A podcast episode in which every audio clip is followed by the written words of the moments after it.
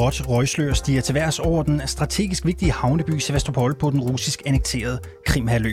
Røgen kommer til synlædende fra den russiske Sortehavsflådes hovedkvarter i byen. Kort efter skriver byens russisk valgte guvernør, at det var en drone, der var fløjet ned i hovedkvarterets tag, og at det ikke var lykkedes at skyde den ned. Men kort tid efter retter han det dog til, at den blev skudt ned lige over hovedkvarteret. Den faldt ned på taget og brød i brand. Ingen kom til skade, fortsætter han. Det her det er blot det seneste af flere mystiske angreb på forskellige russiske militærinstallationer på Krimhaløen de seneste uger. Måske husker I det mest spektakulære af dem, hvor store eksplosioner på en flybase på halvøen resulterede i ni ødelagte russiske kampfly og paniske badegæster på et nærliggende resort. Generelt er der forlydende om, at 10.000 vis af borgere og turister på det seneste er kørt mod Krimbroen væk fra halvøen og ind i Rusland. På en dag krydsede op mod 38.000 biler broen. Velkommen til 24-7's nye udenlandsmagasin Konfliktzonen, hvor vi i dag spørger, hvad det egentlig er, der foregår på Krim, som jo indtil for nylig ellers var et russisk helle i krigen i Ukraine. Mit navn er Alexander Vils Lorentzen. Velkommen til Konfliktzonen.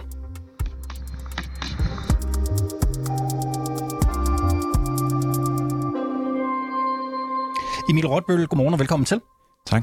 Du er Ruslands korrespondent for øh, Berlingske, og du øh, følger og dækker krigen i Ukraine.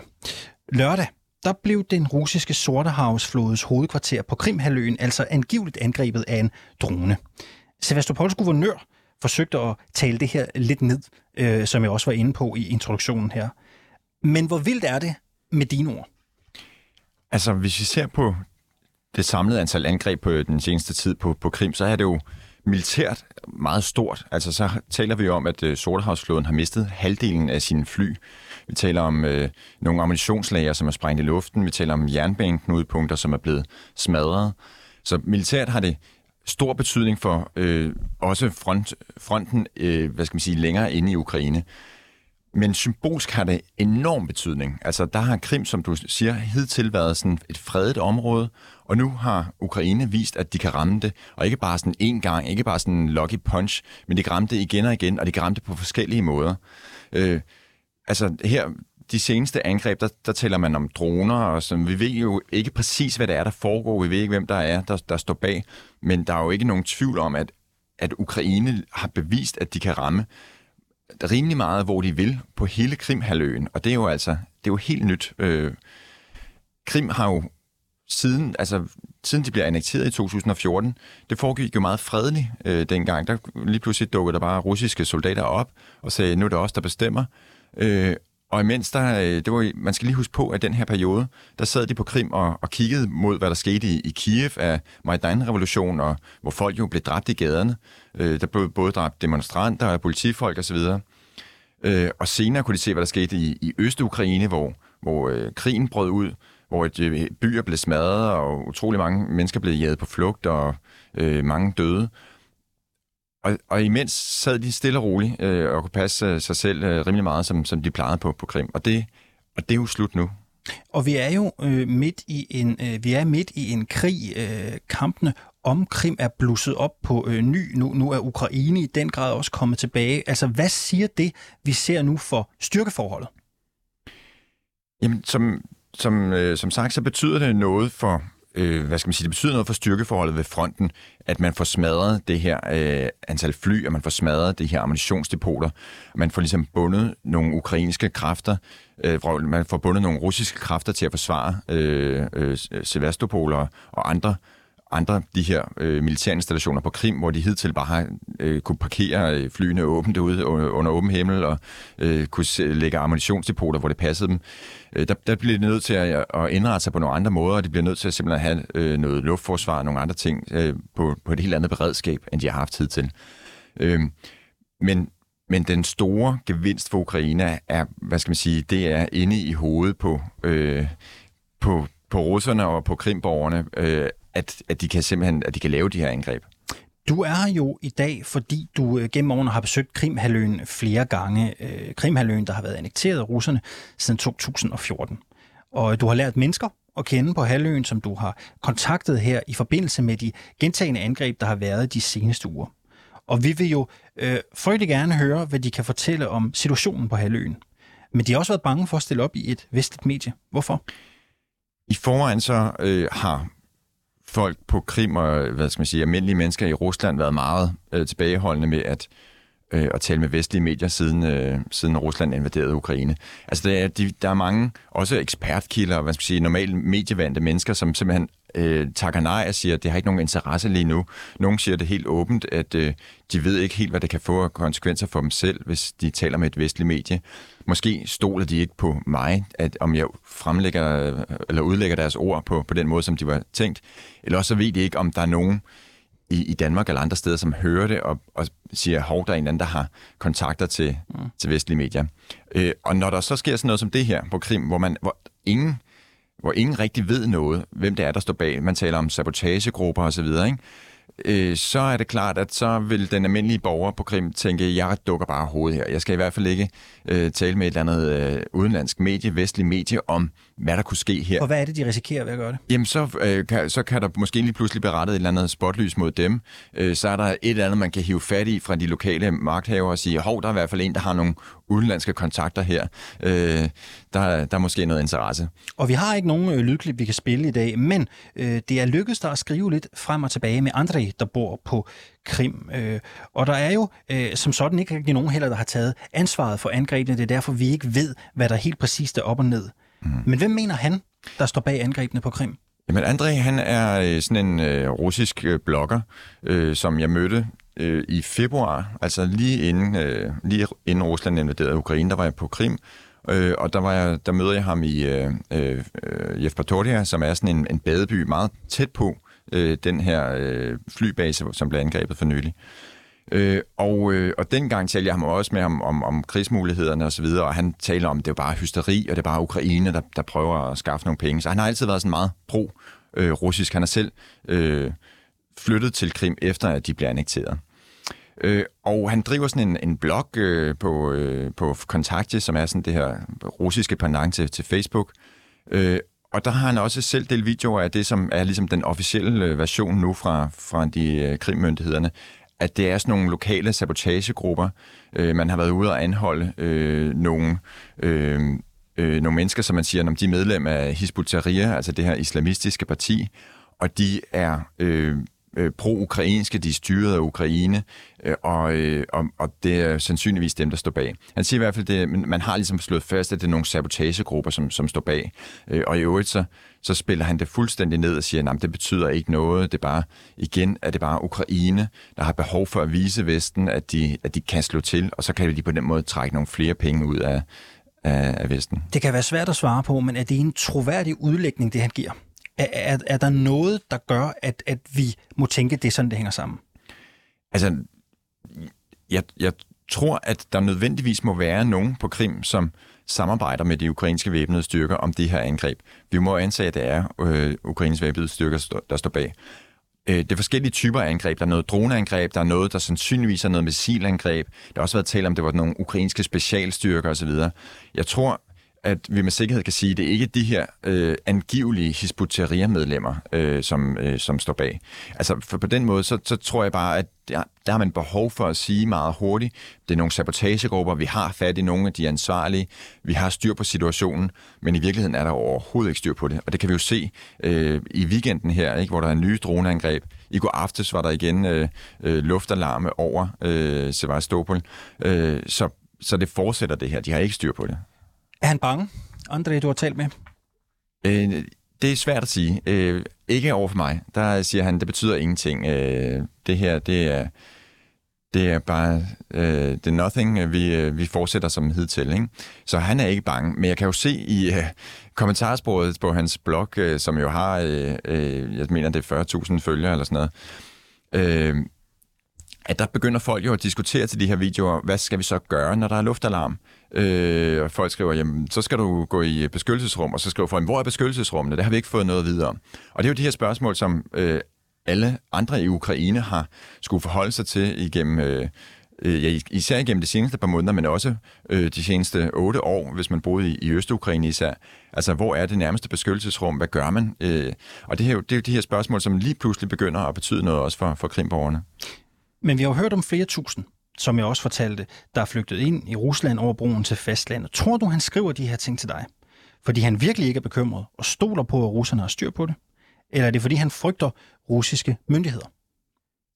Jeg tror, at han ser det som sin opgave øh, over for mig, sådan en vestlig journalist, er ligesom at reproducere den, den russiske fortælling. Jeg tror, at han er, han er en patriot, som ser det som øh, sin, det, er den del, det er den del af krigen, han ligesom kan udføre, det er, at han kan opretholde den her russiske fortælling og, og vise mig, at der er ingen panik, vi har styr på det, jeg er ikke bange osv.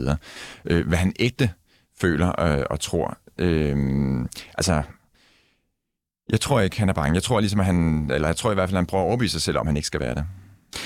Du har som sagt besøgt Krim flere gange, både før og efter annekteringen. Hvis man spørger dig med det indsigt, du har til situationen, hvor god kontrol har russerne med det her område og borgerne? Jamen, de har jo hidtil haft øh, total kontrol med det. Vi har jo ikke set som i de her øh, øvrige besatte dele af Ukraine, øh, som, som Rusland har sat sig på de seneste par måneder, der har vi jo set mange øh, sabotagegrupper, der har vi set en del sådan noget partisanbevægelse osv., og det har der jo aldrig været på Krim. At der har været en del anholdelser gennem tiden af sådan nogle, øh, især øh, krimtatarer, som er det her muslimske mindretal, hvor man så siger, at de er medlem af islamistiske partier, og de, de planlægger terrorvirksomhed osv. Men der har ikke været...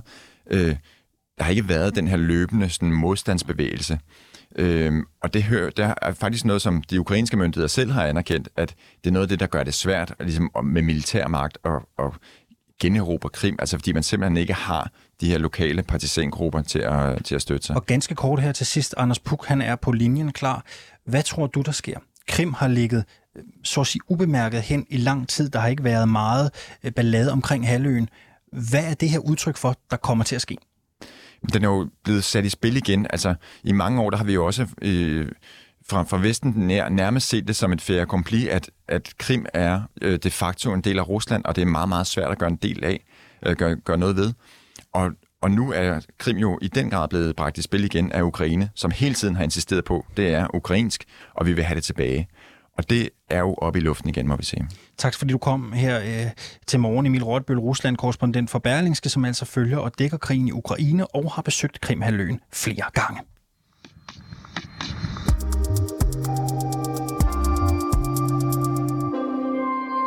Anders Buk Nielsen, godmorgen.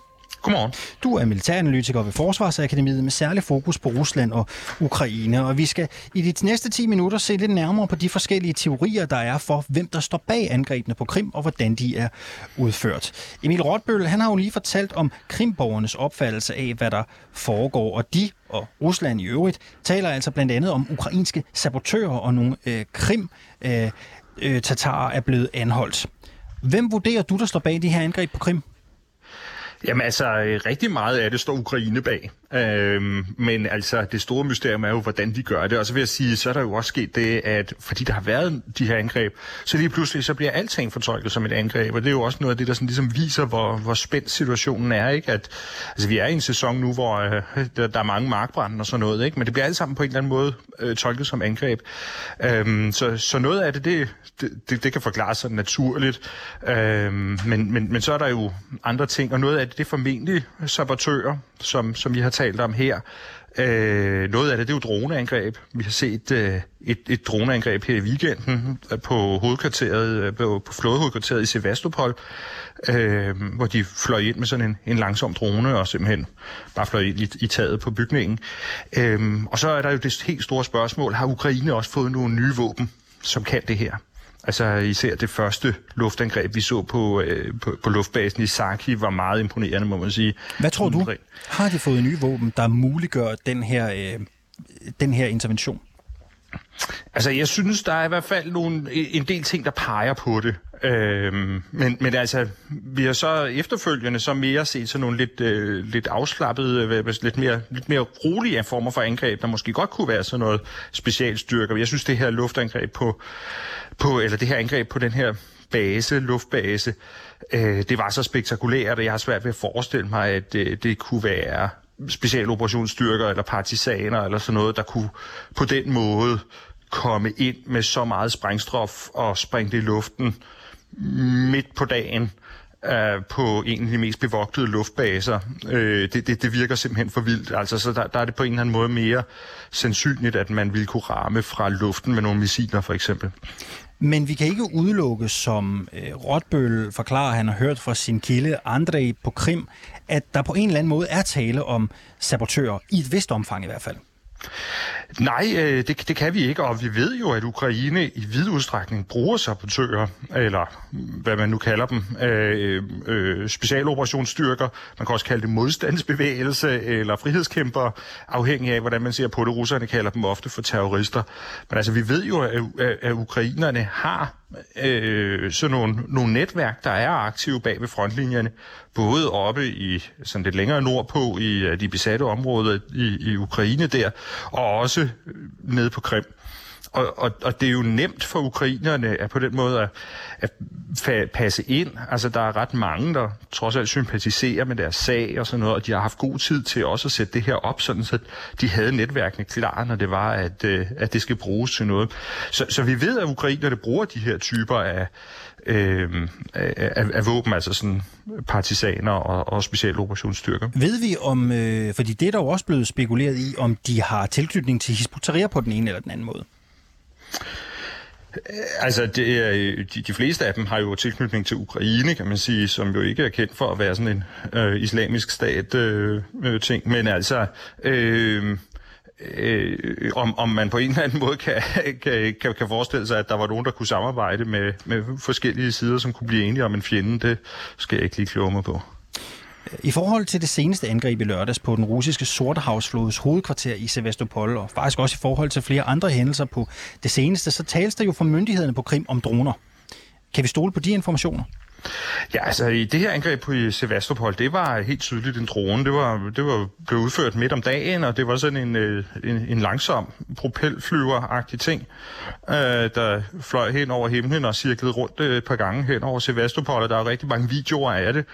Øh, og det er jo altså øh, en stor ydmygelse af det russiske luftforsvar, ikke? at øh, man kan gøre det her. Jeg tænker, at i virkeligheden så er den militære effekt af sådan et angreb er måske mindre end den psykologiske i virkeligheden, ikke? fordi øh, man får jo virkelig sendt nogle signaler om, at, øh, øh, at vi kan ramme jer, og at jeres luftforsvar kan ikke gøre noget ved det. Prøv at se her, vi flyver ind med den her langsomme fætter her øh, midt øh, på formiddagen, og, og der er ingenting, I kan gøre ved det. Øh, så, så, så jeg tror, altså det, den er vi ikke i tvivl om, hvordan det blev udført. Og spørgsmålet er jo så, i lyset af det, der er sket, har russerne ikke styr på luftrummet over Krim? Nej, altså det er der jo noget, der tyder på, at de ikke har. Øh, og det er jo et gevaldigt problem, ikke? fordi øh, de har hidtil regnet med, at Krim var sådan et, et sikkert bagland, hvor man kunne, øh, man kunne øh, operere frit. Øh, man kunne klargøre sine styrker, og så sende dem til fronten. Man kunne have sin logistik. Øh, og hvis, hvis det lige pludselig bryder sammen, jamen, altså, så har russerne simpelthen et gevaldigt problem. Så det bliver jo spændende at se, hvordan det, øh, hvordan det kommer til at, at spille sig ud fremadrettet, altså hvor meget af den her kapacitet har Ukraine, hvor hårdt kan de gå efter russerne, Øh, fordi potentielt så kan det blive et, et kæmpe problem. Altså hvis, hvis det er sådan, at, at russernes logistik fra Krim, og øh, det bliver, bliver ramt rigtig hårdt, jamen så på et eller andet tidspunkt, så er det altså noget, der omsætter sig i øh, reduceret kampkraft op på frontlinjen. Og lad os lige prøve at blive ved det et øjeblik, Anders Puk, fordi øh, Krim øh, har man jo i hvert fald traditionelt set sagt, russerne havde godt tag om. Nu er der noget, der begynder at rykke ved styrkeforholdet. Det kan være nyt artilleri øh, fra ukrainsk side. Øhm, risikerer Krim simpelthen, altså risikerer russerne at tabe Krim, som det ser ud nu? Altså personligt vil jeg, vil jeg tro, at man vil komme frem til en forhandlingsløsning øh, på, på en eller anden måde omkring det her, inden at man øh, direkte ser, at frontlinjen går ned midt igennem Krim. Øh, men altså, jeg synes, at overordnet set, så, øh, så ser det dårligt ud for russerne lige nu. Altså, det ser ud som om, at deres offensiv øh, har kulmineret, at de øh, på en eller anden måde er gået i stå, og at det er Ukraine, der har taget initiativet i krigen. Og hvis man fremskriver den her udvikling med et par måneder, jamen så er det, øh, så er det meget sandsynligt, at, at Ukraine vil være øh, dem, der, der bevæger sig fremad i virkeligheden og, og skubber russerne baglæns. Og så er det store spørgsmål jo, hvor meget kan de skubbe russerne baglæns? Øhm, og hvor, hvor, hvor stort vil et, et eventuelt kollaps fra, fra russernes side blive. Så, så det er da klart en bekymring, russerne må have. Øh, øh, altså, kunne det her i virkeligheden omsætte sig til, at Ukraine lige pludselig kommer tilbage igen? Så hvor stor en sejr er det her for ukrainerne? Jamen altså indtil videre er det jo ikke nogen sejr. Altså indtil videre så er det bare øh, nogle, nogle, nogle taktiske slag, øh, kan man sige, som er en del af en større kampagne, der går ud på at, at ødelægge russernes logistik øh, sådan på øh, en bred front, sådan så at, øh, at de, de er nemmere at slå op på frontlinjen. Hvad er bevæggrunden for, at de så ikke officielt tager ansvar for angrebene? Ah, Jamen, jeg tror, øh, jeg tror egentlig, at øh, ukrainerne hele vejen igennem krigen ret bevidst har valgt ikke at tage ansvar for ting, der foregår øh, inde i selve Rusland, eller der, hvor der er mange russiske civile, fordi man ikke ønsker, at det skal indgå i sådan en, en form for informationskampagne. Man har ikke lyst til at ligne nogen, der på en eller anden måde hoverer over øh, ting, der gør den russiske civilbefolkning bange. Og, øh, og, og derfor så har man generelt ikke taget ansvar, hver gang at der er, man har lavet et eller andet inde i Rusland. Og det har Ukraine faktisk gjort i, øh, igennem mange måneder, lavet øh, ting og sager øh, op i Belgorod-området for eksempel. Men det har man ikke taget ansvar for, så, så det et eller andet sted kan man sige, det passer meget godt ind i mønstret, at man ikke gør det. Og så tror jeg egentlig også, at ukrainerne synes, det, det er fint nok, at man sådan kan, hvad skal man sige, trolle russerne lidt med alle de her memes omkring, at øh, nu skal de også passe på med hvor, at ryge og brandsikkerhed og altså noget af det er vigtigt. Altså, altså hvordan bliver på, på forskellige mis sådan ligesom øh, øh, antyder, at det nok er dem, der står bag alligevel. Ganske kort her til sidst. Vi har cirka 20 sekunder. Hvad er russernes næste træk? Ja, det er jeg virkelig spændt på også at se, fordi øh, de er nødt til at gøre et eller andet, men det er ret svært at få øje på, hvad, hvad det skal være. Andet end at de jo må prøve at gøre mere det samme. Mere luftforsvar. Anders Puk Nielsen, du er militærforsker ved Forsvarsakademiet. Tak fordi du var med øh, her øh, til morgen. Du har lyttet til Konfliktzonen 24-7's nye udenlandsmagasin, som altså har skiftet navn fra Krig i Europa, så vi udover at dække krigen i Ukraine også kan belyse andre konflikter i en tid, hvor netop konflikter og vold generelt vinder frem verden over, og hvor stabiliteten mange steder desværre smuldrer. Mit navn er Alexander Vils Lorentzen, og jeg er tilbage igen i morgen, samme tid, samme sted, med mere fra en anden konfliktzone i verden.